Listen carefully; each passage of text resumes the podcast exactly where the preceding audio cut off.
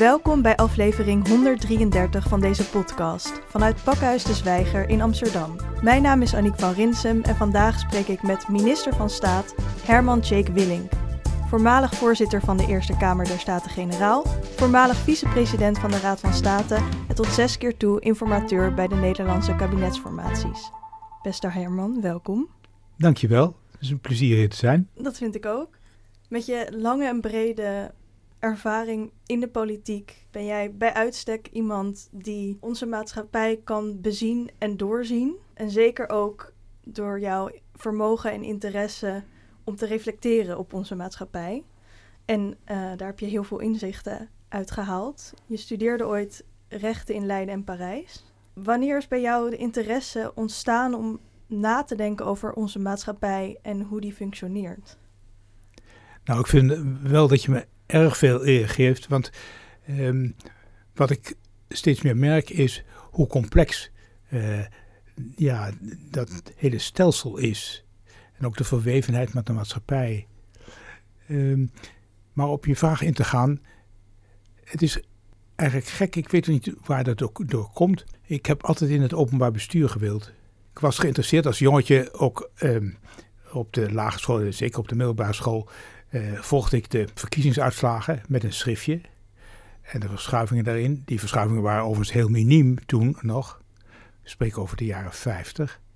En ik ging naar de bijeenkomst van de gemeenteraad in Deventer. En dat vond ik buitengewoon interessant.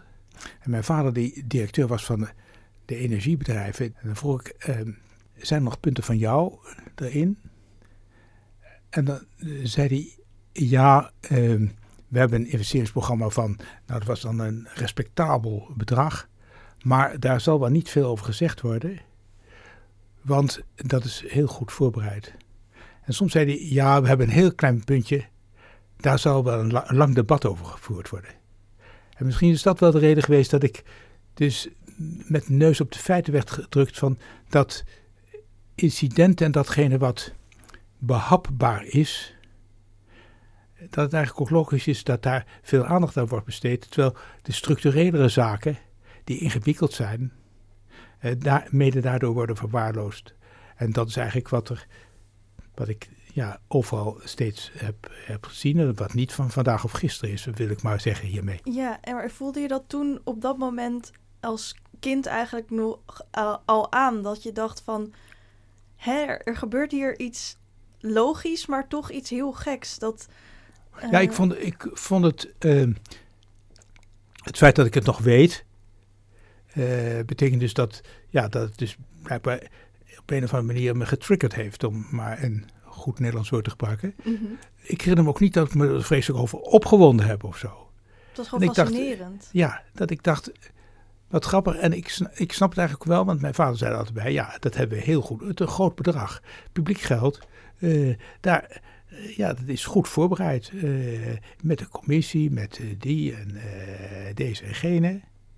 Ehm, en dacht ik, ja, dat, dat roept dus ook op. Als je dat goed hebt gedaan, dan is er niet veel publiek de, politiek debat meer over. Wat ook jammer is, want politiek debat is, een, is essentieel in een democratie. Want het legitimeert, juist het een openbaar debat is, een debat met argumenten en tegenargumenten. Dat legitimeert de uiteindelijke uitkomst. Ook voor degenen die het met die uitkomst niet eens zijn. Omdat ze het gevoel kunnen krijgen, er is, er is aandacht besteed, ook aan onze argumenten. Maar we hebben het niet gehaald. Volgende keer beter. Ja, precies. Maar je ziet dus eigenlijk dat we wel goed zijn in het regelen van dingen en daarover praten, maar de echte vraag van waarom regelen we en wat zijn, zijn de diepere verlangens en ambities die wij met z'n allen hebben, daar wordt dat bijna niet mogelijk in het systeem zoals het is opgezet. Of in ieder geval wordt dat makkelijker over het hoofd gezien. Nou ja, het was ook minder nodig. Uh, kijk, ik kom altijd terug op die verzuiling, niet omdat ik daarna terug verlang, in tegendeel. Maar omdat je als je je geschiedenis kent, dan tast je toch in het duister, ook over de koers naar de toekomst. Het was niet nodig in die tijd van verzuiling, waren er duidelijke eh, politieke opvattingen, visies over de maatschappij waarin we wilden leven. En in zekere zin ook over de rol van de overheid erin, of spiegelbeeldig de rol van het particuliere initiatief, wat ik nu tegenwoordig wel noem de maatschappelijke democratie daarin. En als je die vastigheid hebt, hoef je ook niet verschrikkelijk veel over te discussiëren, anders dan dat aangezien we een land zijn van minderheden, politieke en religieuze minderheden, het vaak botste. Maar het was duidelijk dat die visies verschilden. Het was min of meer duidelijk wat die visies inhielden. En er was de noodzaak en de bereidheid om op onderdelen steeds opnieuw een compromis te bereiken. En dat, dat doe je. Eh, een compromis bereik je eh, voor een gedeelte door het debat aan te gaan, maar vooral ook om met elkaar uh, juist niet in de openbaarheid te overleggen en te zeggen: Nou, als jij nu zus, dan kan ik zo. En nu ontbreekt een beetje die duidelijkheid van meningen of visies. Nou ja, ik heb natuurlijk ook geconfronteerd met het feit dat partijen erg op elkaar zijn gericht, wat je zag in de kabinetsformatie. Ook afgevraagd, waarom is dat ook dat op zichzelf verklaarbaar? En ik denk dat het verklaarbaar is als inderdaad de duidelijkheid in visie over waar willen we naartoe en vooral de duidelijkheid over de verschillen in die visies, ja, toch wat mistig is geworden. Terwijl ook de duidelijkheid over de eigen achterban niet groot is. Dus als je onzeker bent over waar gaan we naartoe en onzeker bent over wie steunen mij, dan is het derde en misschien wel laatste ankerpunt en zekerheid is hoe is de positie van andere partijen. Dus je ziet dat dat als het ware zichzelf versterkt in het naar binnen gericht zijn. Eh, kan je dat nog wat meer uitleggen? Ja, door als het ware op, nou, kijk naar die kabinetsformatie, vooral in het begin, door heel sterk op elkaars positie gericht te zijn. En ook als die doet wat voor effect dat heeft, waar natuurlijk de media ook een belangrijke rol in spelen, is het vreselijk moeilijk om je daaraan te onttrekken, aan die dynamiek. En te zeggen, ja, nee, maar we willen het nu over de problemen hebben. Uh, we willen inhoudelijk bezig zijn. Ik ben ervan overtuigd dat een, ja, grote, overgrote meerderheid in de Kamer dat ook meende. Maar dan is de vraag, hoe doe je dat? En waar ik altijd uh, nogal aandacht voor gevraagd heb, is... moet je het eigenlijk wel direct gaan hebben over oplossingen? Of is het niet verstandig om eerst de, uh, het debat te voeren over de vraag of je over het probleem wel eens bent? Want als dat niet zeker is, dan is de discussie over de oplossing eigenlijk indirect een discussie over verschillen in perceptie uh, op het probleem. Ja, nou, precies. en, en, het is dus belangrijk om vast te stellen of echt een goed debat te voeren over hoe een ieder dat probleem ziet, omdat dat eigenlijk gaat over wat een ieder voor maatschappij zich voorstelt, waarin iedereen uh, kan bloeien. En, en dat gesprek uh, wordt in jouw ogen niet genoeg gevoerd, waardoor je een soort uitholling van de maatschappij krijgt en van de democratie, omdat het veel meer ja, bestuurskundig en regelkundig wordt dan politiek.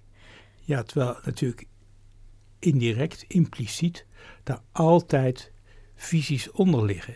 Ja, precies. en het is dus een soort depolitisering van de politiek, maar dat is dus niet dat het niet meer politiek is, maar dat het een schijn overheen ligt van ja, efficiënt of soort van nuchter handelen. Maar uh, er wordt eigenlijk niet meer gezien dat het gebaseerd is op bepaalde keuzes. En die bepaalde keuzes worden niet concreet gemaakt. Ja. Uh, en dat zie jij wel echt als een probleem. Ja, en dat het probleem is ontstaan na die, uh, daarom dat ik wel eens gezegd heb, we zijn de ontzuiling nooit voorbij gekomen. Dat probleem is ontstaan omdat Kijk, in dat zuilenstelsel uh, had de politiek een functie, een legitimerende functie.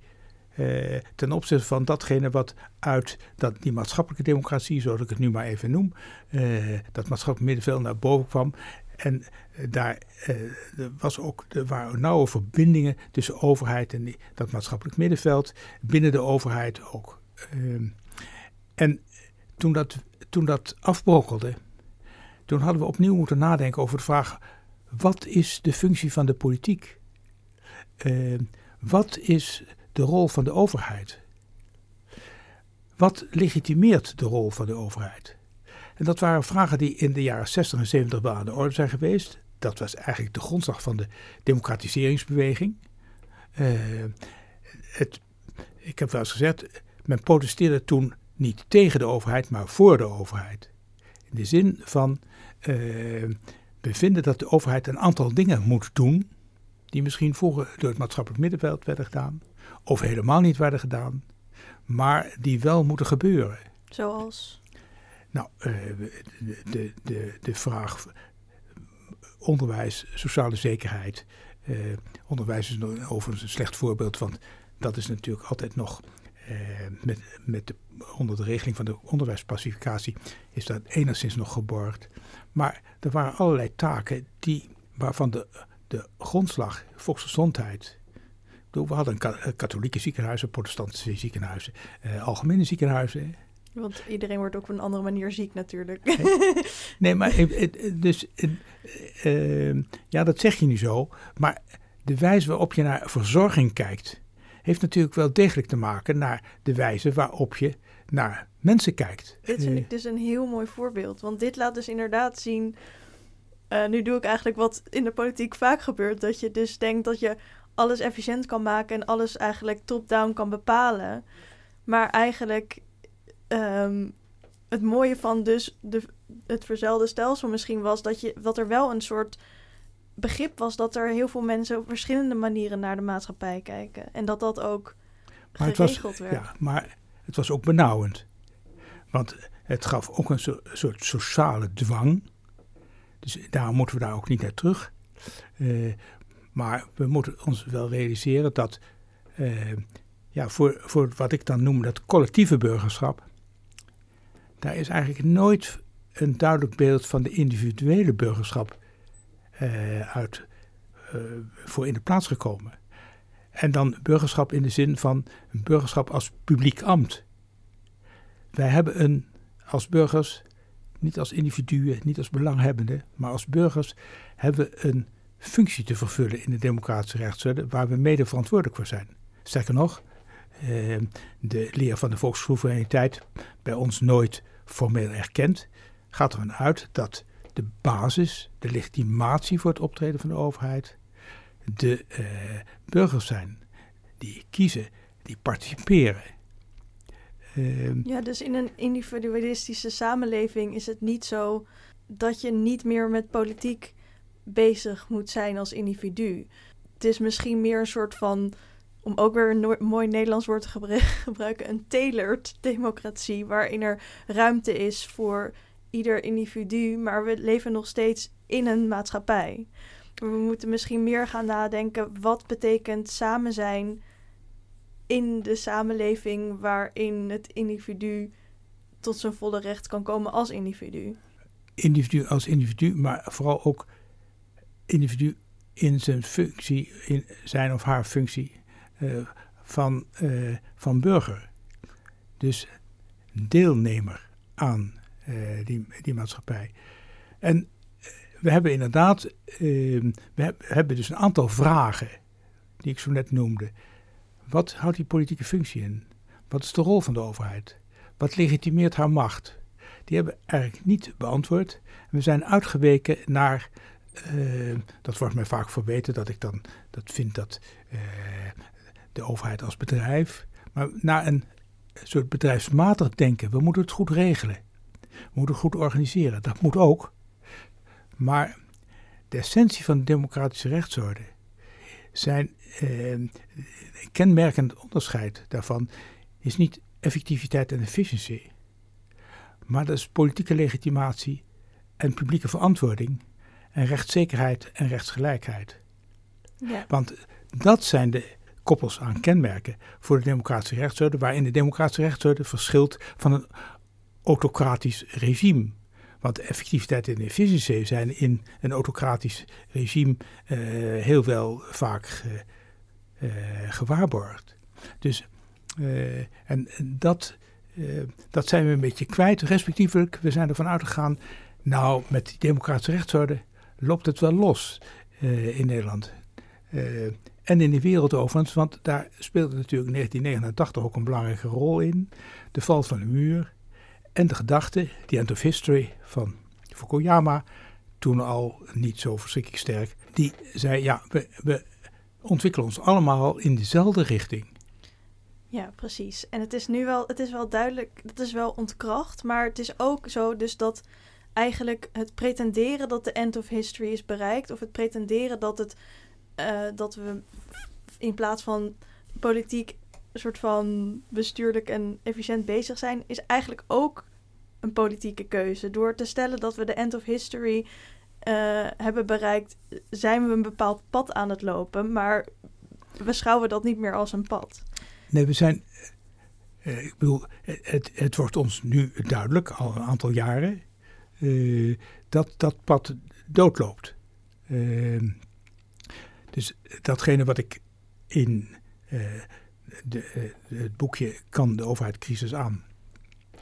wat de kernboodschap daarvan is, het functioneren van de overheid zelf heeft de democratische rechtsorde uitgehold.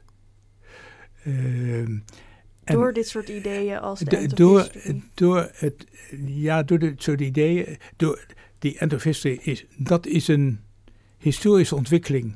Dus daar hoeven we niet veel aandacht aan te besteden, want dat komt vanzelf.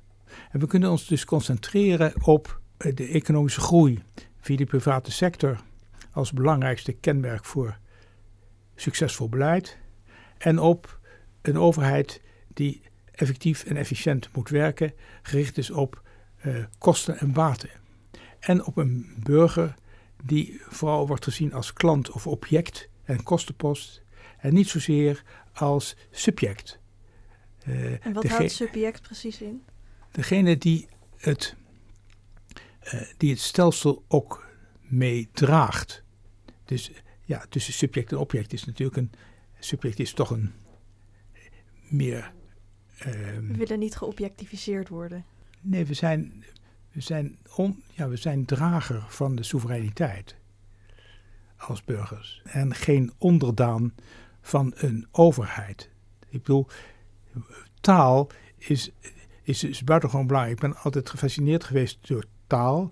Als ik echt goede essays zou kunnen schrijven, wat ik niet kan, dan zou ik graag nog een keer een essay schrijven over de factor taal en de factor tijd bij de overheid. En rationaliteit en rationaliteit. Maar wat ik wel eens genoemd heb, in 99 geloof ik in een, in een college, de uh, verschuiving in de spraakmakende elite. Dus, en spraakmakend in een letterlijke zin. Ze maken de taal. De, ja, dus um, juristen spreken een andere taal dan economen.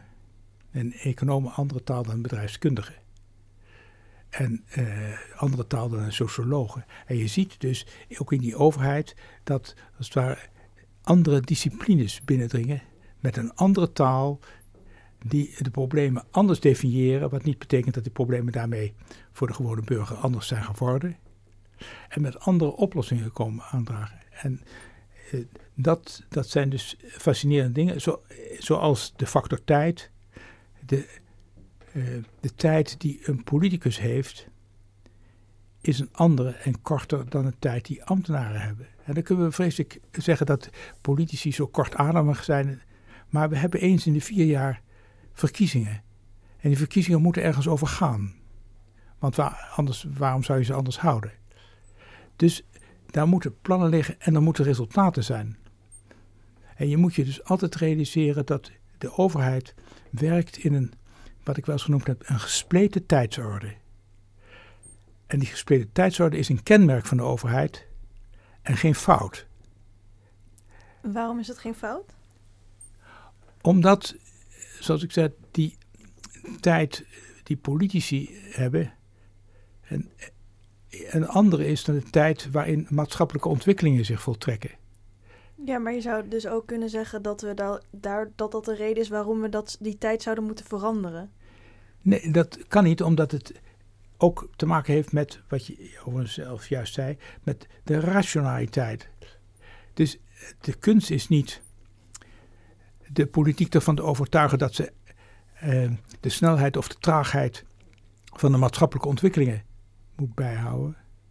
Of ambtenaren ervan uh, te overtuigen dat ze kortademig op uh, vier jaar termijn moeten zitten. Maar de kunst is om je van die verschillende tijdsdimensies bewust te zijn en daarmee rekening te houden. Dus zoals je als ambtenaar ook rekening moet houden met de eigen rationaliteit en dynamiek die er in eh, politieke stelsel. Het wil niet zeggen dat je daarmee daaraan dan uitlevert. Maar het wil juist zeggen dat je zegt, daar schiet hij tekort. En daar moet ik dus tegenwicht tegen bieden. Kan je daar een concreet voorbeeld van geven? Nou ja, ehm, als ehm, een neem de compensatieregeling voor ehm, de slachtoffers van de kindertoeslagenaffaire. Als je goed kijkt, dan zie je dat die compensatieregeling die uh, faalt. Uh, en volgens een adviescommissie die naar gekeken heeft, eigenlijk om een aantal redenen die eigenlijk ook ten grondslag liggen aan de kindertoeslagenaffaire zelf. Of om met Einstein te spreken, een probleem kan je niet oplossen met het denken dat het heeft veroorzaakt. Ja. Dus er is een probleem van de kindertoeslagenaffaire. En we proberen het op te lossen met het denken dat het probleem heeft veroorzaakt. Uh, en de vraag is dan, als je dat ziet gebeuren, uh, wat kan je daar als tegenwicht tegen bieden? Hadden de uitvoeringsorganisaties uh, niet nog duidelijker moeten zeggen, toen de katshuisregeling voor 30.000 euro kwam, dat is niet goed uitvoerbaar. Ehm, had de commissie Donner in uh, haar eerste rapport niet nog duidelijker moeten zetten. Pas nu op, er zullen onrechtvaardigheden plaatsvinden. Dat kan je niet vermijden. En dat, dat vermijd je niet door de groep steeds groter te maken. Ik vertaal het nu even in mijn eigen uh, uh, woorden. Woorden. dus dat soort. Je, het is heel interessant om te zien dat de Belastingdienst Ehm, de problemen waar de Belastingdienst is terechtgekomen in de afgelopen nou, 20, 30 jaar. Uh, de oorzaak daarvan zit ook heel, eh, ja, heel vaak in politieke besluitvorming. Ik wil niet zeggen dat de Belastingdienst zelf ook niet allerlei fouten heeft gemaakt. Maar de oorzaak van de problemen is vaak gelegen in de politiek. Wat zie je gebeuren om de Belastingdienst als het ware corrigeren, is dat die dienst steeds verder het departement wordt ingetrokken en dus steeds dichter tegen die politiek komt aan te zitten, die nog even kortademig is als ze altijd al was. Die fouten in zich draagt. En, nou, dus zo zie je hoe, als voorbeeld van uh, hoe komt dat dan? En als je, als je da dat realiseert, dan is dus de vraag: en wie moet daar dan tegenwicht tegen bieden. Uh, de rechter, maar dan is het kwaad al geschied. Uh, ambtenaren bij het ontwerpen van nieuw beleid of nieuwe wetsvoorstellen. Maar ook uitvoerende diensten die zeggen: ja, maar dit is onuitvoerbaar, dat kunnen, we, dat kunnen we niet voor onze rekening nemen, want dan zouden we medeplichtig worden aan de uitholling van de democratische rechtsorde. En dat is onze taak niet. Maar dat geeft dus tegelijkertijd aan dat je uh, professional op de werkvoer, uitvoerders van beleid, dus moet equiperen om die normatieve afweging, die waardeafdeling, te kunnen maken. Ja, en dus te eigenlijk erop aan te dringen dat iedereen die zich bezighoudt met politiek, maar eigenlijk ook iedereen al die burger is, dus eigenlijk iedereen zich bewust is van die normatieve keuzes die elke keer weer worden gemaakt. Ook al zijn ze gebaseerd op een soort van uh, structuur waar we niet meer bewust van zijn dat die normatief is. En wat een behulpzaam begrip is hierin, is het verschil tussen de politiek en het politieke. Uh, misschien zou je dat wat meer kunnen uitleggen, wat precies het politieke is. En hoe dat ons kan helpen om na te denken over de maatschappij en over de politiek zoals ik aangaf, ben ik eigenlijk altijd geïnteresseerd geweest in het openbaar bestuur, waaronder waar de politiek uh, een onderdeel van is. Ik ben eigenlijk pas vrij laat tot het inzicht gekomen ik heb geen politieke wetenschap of zo gestudeerd, dat, je een, dat politiek een van de meest gebruikte en een van de meest misbruikte en misverstaande woorden is. En dat je onderscheid moet maken tussen politiek in de zin van politieke functies en politieke instellingen, parlement, parlementsleden, politieke partijen, en het politieke. En dat is het in zekere zin, die, die afweging, het normatieve kader, de visie op de maatschappij waarin we willen leven uh, en de rol van de overheid daarin, waar uiteindelijk de politiek in de zin van instituties en functionarissen uiteindelijk de eindafweging maken, maar wat niet betekent dat die waardeafweging alleen tot de politiek in de zin van instituties behoort, tot het parlement. Nee, daar dragen anderen aan bij. Want rechters doen niet anders dan normatieve afwegingen maken. Ja. Uh, uitvoerende organisaties die burgers moeten ja, uh, als burgers moeten zien, als mens moeten zien. Uh, in, wat ik een betere formulering vind dan menselijke maat. Uh, dat is ook een normatief iets. Maar uh, die, moet, die maken een afweging. Het, het, politieke wordt soms ook wel beschreven als het moment of de opening voor verandering. en dat komt misschien ook door het begrip dat de politiek of het politieke uh, dus een normatief iets is. Zodra je dat begrijpt, kan je weer opnieuw herijken. Dus het politieke is het, is het moment van opening. En het is misschien ook de onderhandeling van, van macht en belangen, maar ook misschien wel van, van de sociale werkelijkheid. Ik ben heel erg dat onderscheid gaan maken, maar ben daarnaast eigenlijk ook steeds meer gaan zitten op eh, ons gemeenschappelijk fundament, en waarschijnlijk het enige gemeenschappelijke wat we hebben, is de democratische rechtsorde. Uh, daar hebben we ons aan verbonden, zij dat we ons dat niet altijd meer realiseren. Uh, parlementsleden, ambtenaren, uh, ministers leggen een eet op de grondwet af. Dat is niet onverplichtend. Dat, dat heeft dus te maken met het onderschrijven van bepaalde uh, normatieve uitgangspunten die bijvoorbeeld in de klassieke, maar ook de sociale grondrechten zijn neergelegd. Uh, en uh, de constitutie omvat meer dan de geschreven grondwet. Dus het gaat ook om algemene beginselen van behoorlijk bestuur, evenredigheid, tolerantie uh, en dergelijke. We moeten ons veel meer als het ware realiseren dat dat ons gemeenschappelijke eikpunt is. Ik noem het wel eens de grondregels voor de wijze waarop de overheid met haar burgers omgaat en de burgers met elkaar. Eh, dat zijn waarden, dat zijn normatieve uh, begrippen uh, die daarin een rol spelen. Zou je kunnen zeggen dat in het recht uh, er nog het meest het, de ruimte wordt gegeven aan het politieke? Dat vind ik een lastige. Ik weet niet of ik dat zo zou formuleren. Hoe zou je het zelf formuleren? Geef altijd maar aan de democratische rechtsorde. Hier Ballin heeft verschillende malen gezet. democratie en recht zijn niet los verkrijgbaar maar ik heb al aan toegevoegd, ze zijn niet hetzelfde. Democratie eh, betekent ruimte voor verscheidenheid. Eh, voor een eigen inbreng, eh, de mogelijkheid om van mening te verschillen. En recht betekent zekerheid.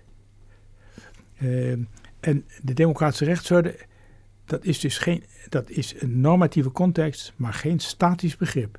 En al helemaal geen organisatorisch begrip. Wat ik eigenlijk bedoel met die vraag is, denk je dat misschien binnen het recht er meer bewustzijn is van het feit dat je dus uh, normen oplegt. Waar het in de politiek misschien minder zo wordt gezien. Ja, maar daarom denk ik, uh, daar heb je, heb je gelijk in. Uh, zij het dat ehm, de politiek, maar misschien bedoel je dat ook, eh, dat wel beter zou moeten beseffen. Ja. Want uh, dat is inderdaad waar ik heen wil. De, ja, omdat, al was het maar, omdat de, uh, het parlement medewetgever is. En wetgeven is ook bedoeld als recht geven. En naar de mate waarin je de wetgeving steeds meer ziet als beleidsinstrument, Ehm, en dus niet zozeer als het moet ook recht zijn. Uh, neemt de spanning tussen wet en recht toe en daarmee wordt uh, de rechter geconfronteerd. En nou, die rechter zal dat per geval oplossen. Maar ik vind dat dat te weinig is. Uh, ik vind dat de rechter ook de taak heeft als medeverantwoordelijke uh, voor de instandhouding van de democratische rechtsorde. Om de medewetgever te informeren over wat zij ervaart bij de toepassing van die wet. Waardoor soms uh, de toepassing niet rechtvaardig uh, dreigt te worden.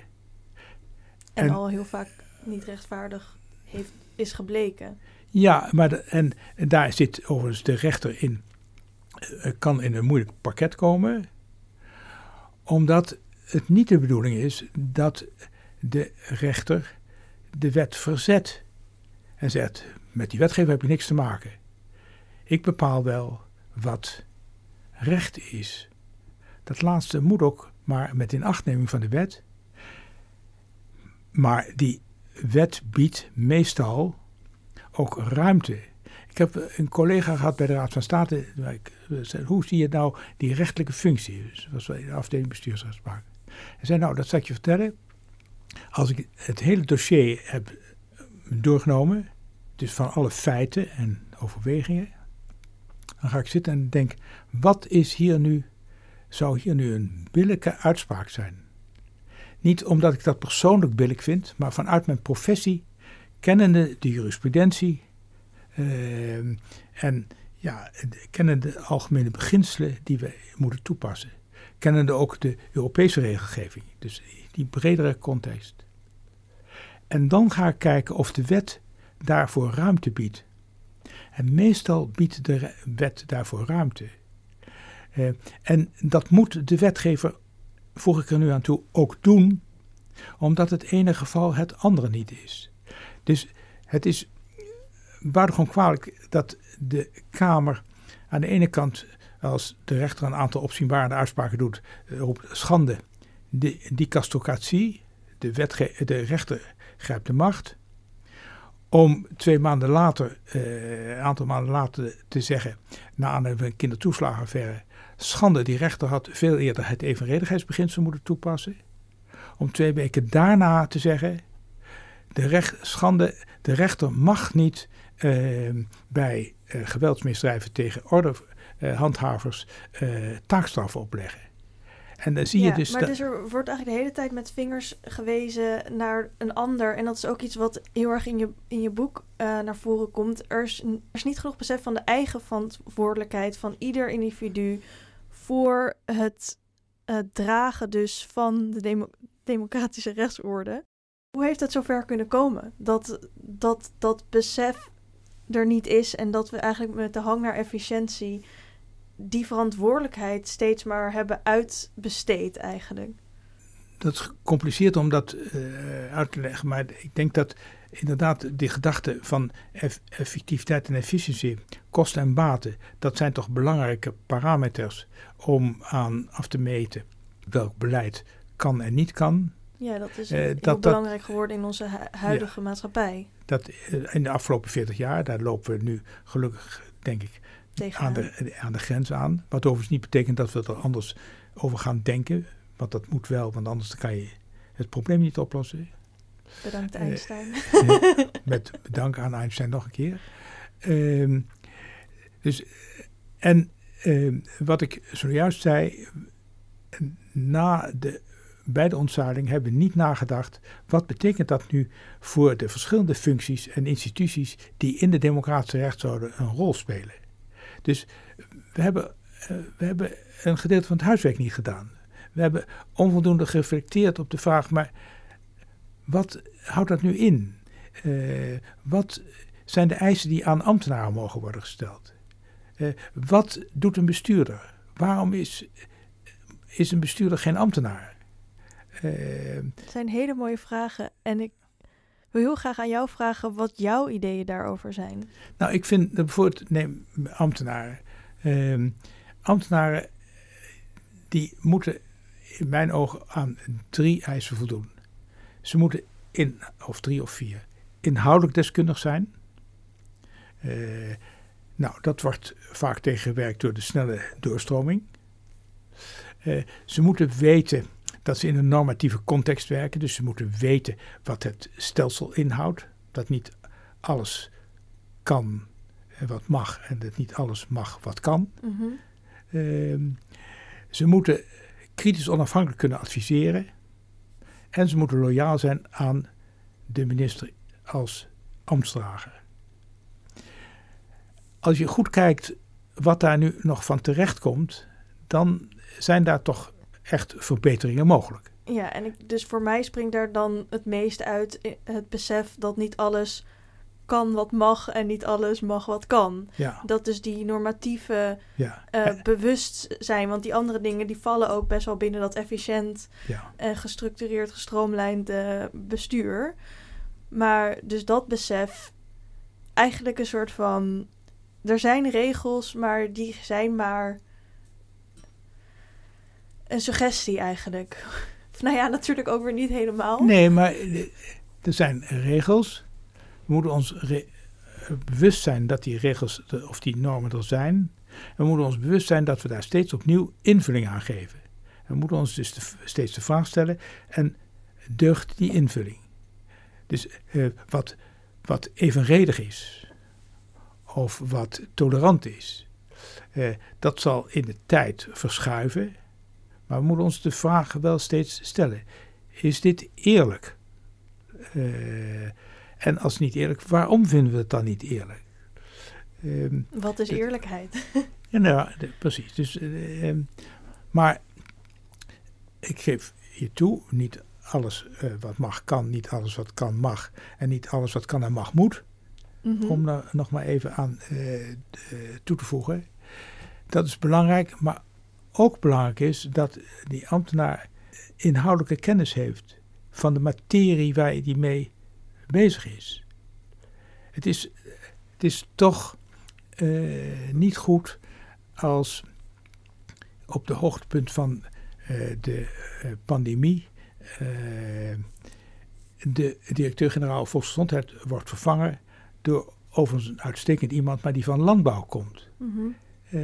Dus dan. Eh, Ja, ik ben, ik ben het heel erg met je eens en ik vind het ook heel logisch. Ik denk dat de meerderheid van de mensen ook het heel logisch zou vinden dat, dat er inhoudelijke kennis moet zijn op de plekken waar dat nodig is.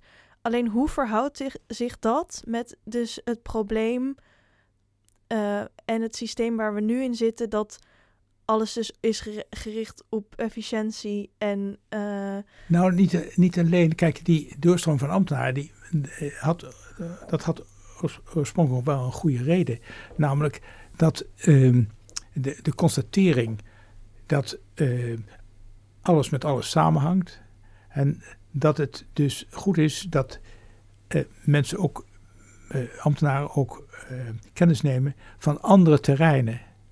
En dat naarmate je langer op een post zit, je daar ook vastroet. Dus Ja. op zichzelf is de, de ratio was niet zo slecht. ja. Alleen de nadelen daarvan, eh, die hebben onvoldoende doorzien. Ja, precies. Want, maar, dus dat snap ik. Maar als dus iemand ehm, op inhoudelijke kennis ergens lang zit, dan krijg je inderdaad weer eh, het gevaar dat er weer niet wordt nagedacht over de normativiteit die iemand heeft, omdat die persoon is de expert. Dus dan krijg je Maar- dat probleem.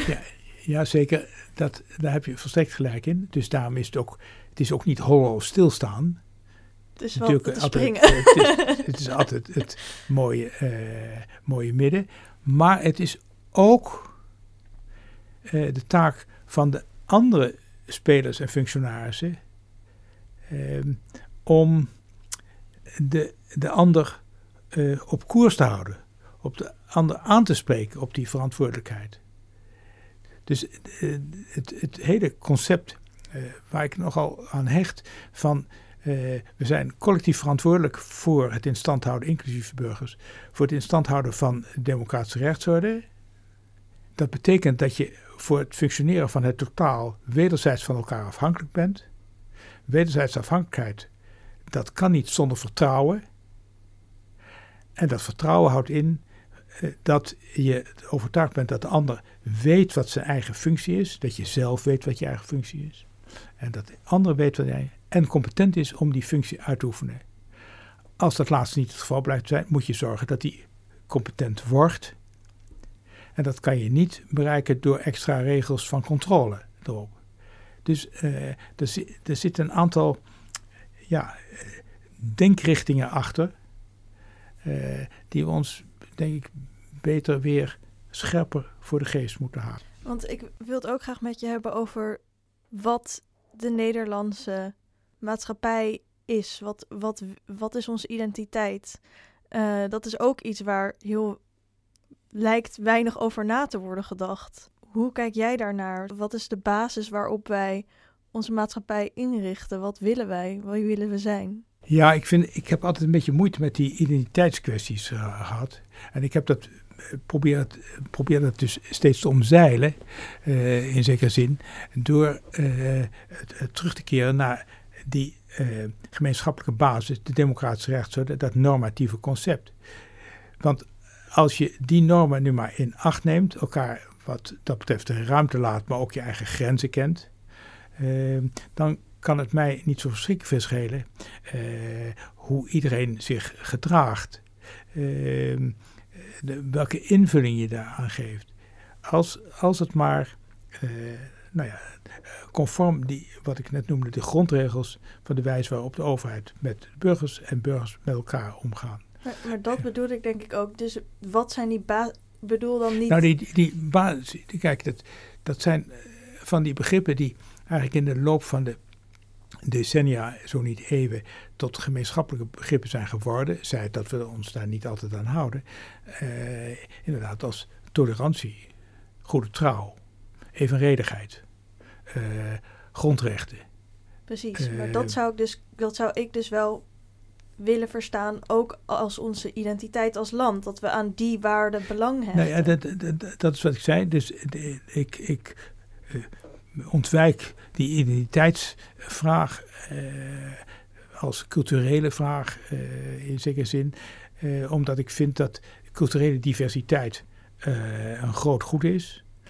Ehm, ik bedoel, ik heb, ik heb altijd bezwaar gehad tegen aarzelingen bij het artikel van Scheffer over het multiculturele drama.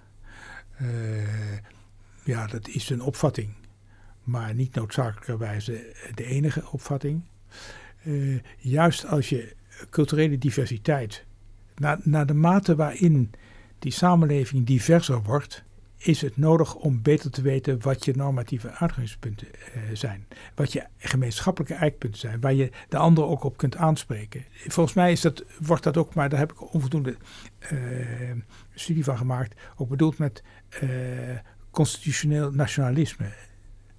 Dus het, het, de erkenning dat je, eh, omdat het ook een erkenning is dat je een gemeenschappelijke uh, geschiedenis hebt. Zelfs, of dat daar uit die gemeenschappelijke geschiedenis een aantal normen voortkomen waar je tot, tegen, tot tegenbericht waar je aan hebt te houden.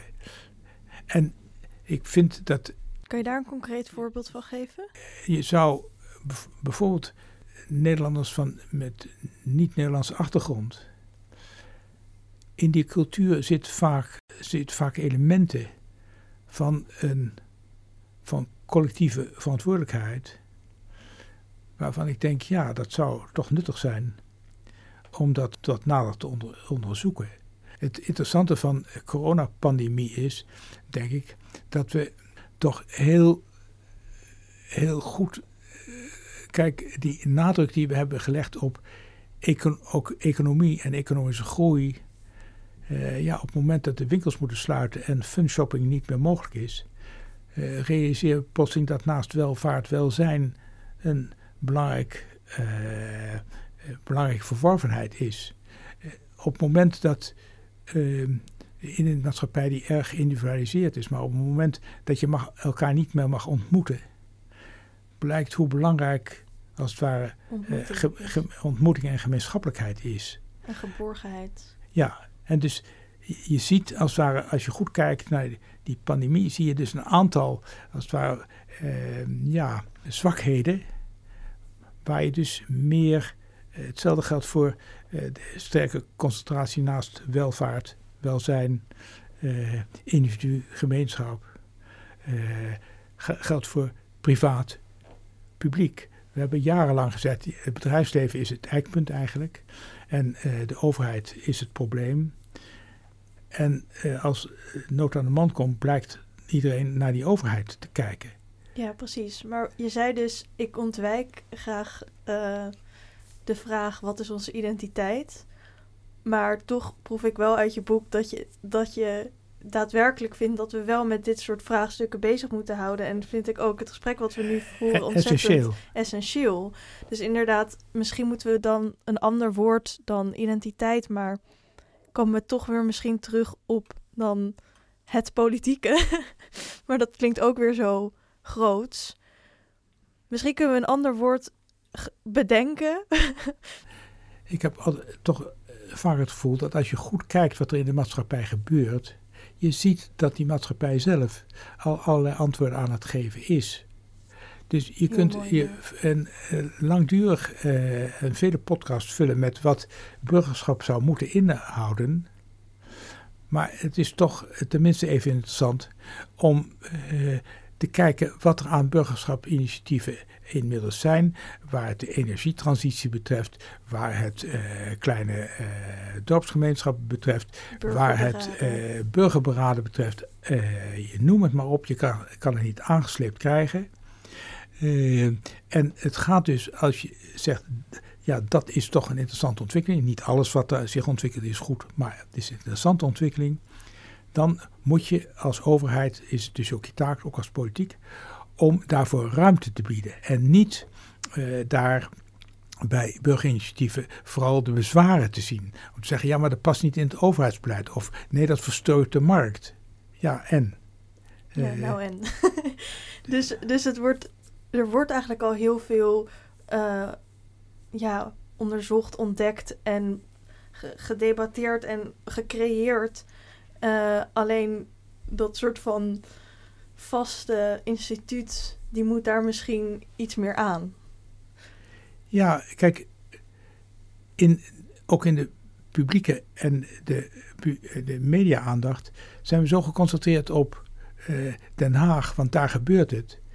We realiseren ons denk ik vaak niet dat ook in het verzuilingstijdperk de uh, politiek vooral legitimerend was. Dat, die was niet sturend, was maar heel beperkt sturend. Ehm, en besturen doe je niet, niet alleen van boven naar beneden, maar ook van beneden naar boven.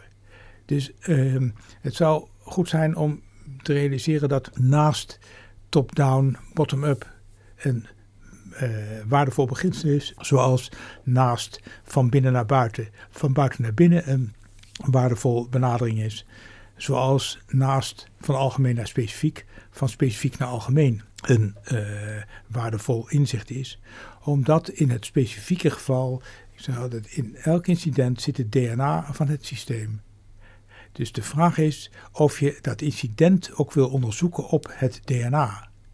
Of dat je zegt, nou, dit is een incident waar iemand schuld aan heeft. En als die schuldige er niet zou zijn geweest, zou het incident niet hebben plaatsgevonden. Uh, dat is je op een goedkope manier ervan afmaken. Dus er moet veel meer gekeken worden en veel meer serieus genomen worden. De verscheidenheid van deze wereld. Nou ja, eh, wat ik zei, democratie is ruimte voor verscheidenheid. Is niet uniformiteit, integendeel. En daar, het, het tegenwicht daartegen is het recht wat zekerheid biedt. En wat ik geprobeerd heb in uh, Kan de overheid crisis aan? Uh, ik heb wel eens gezegd, het zijn eigenlijk inhoudelijke memoires.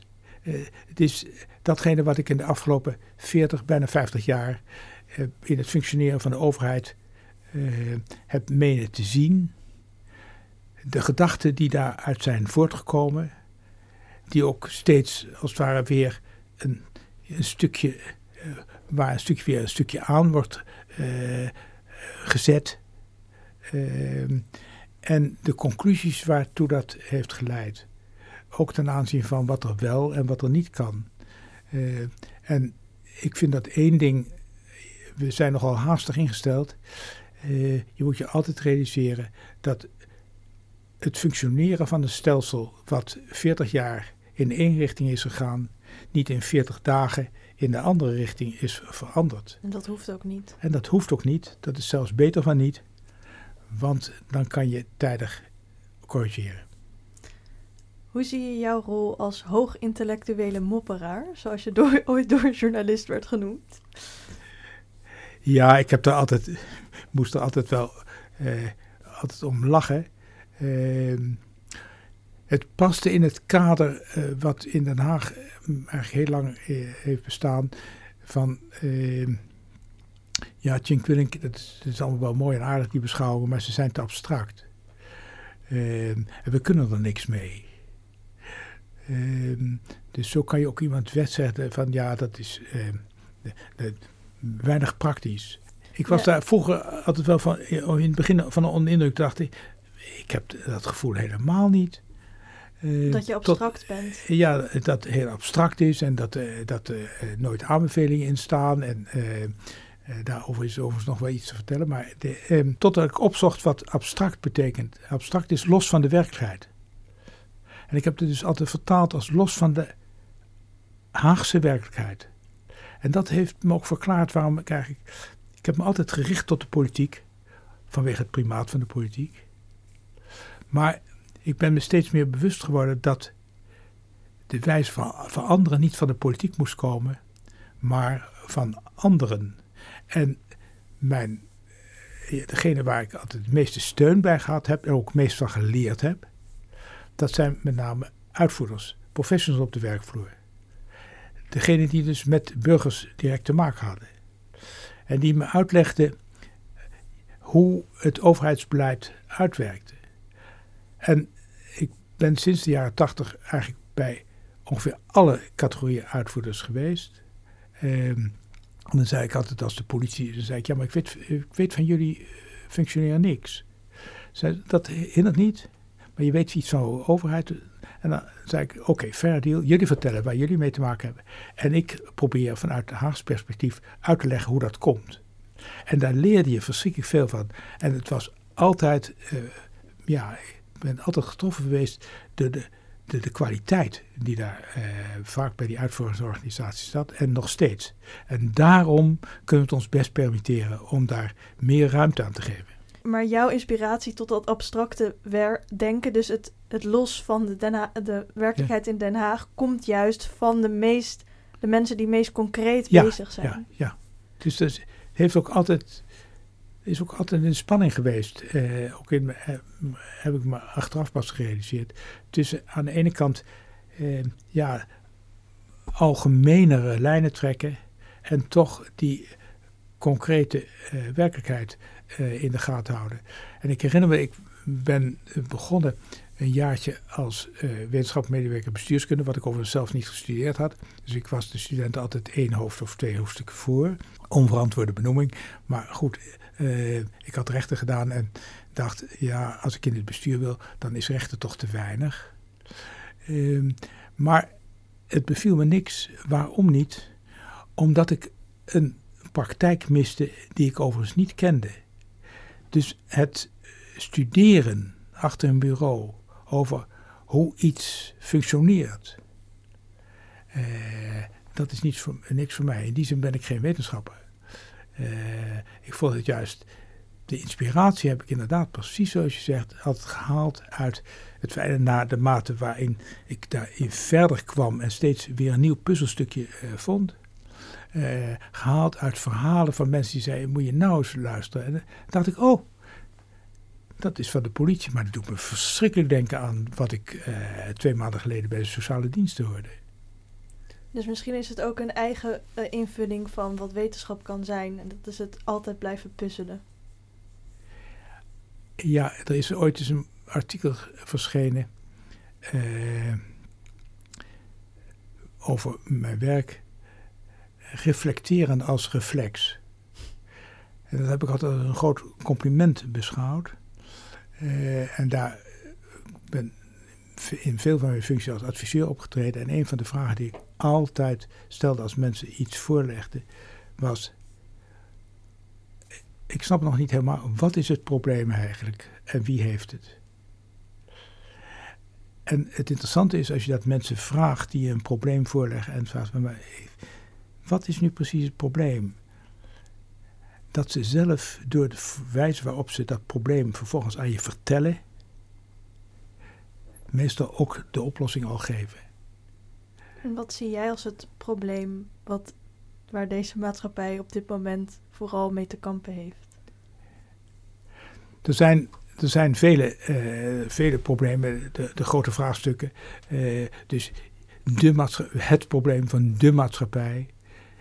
Ik denk dat een van de, een van de problemen waar we allemaal mee te maken hebben, en zeker in de, de, deze, deze weken en maanden, uh, is het omgaan met onzekerheid.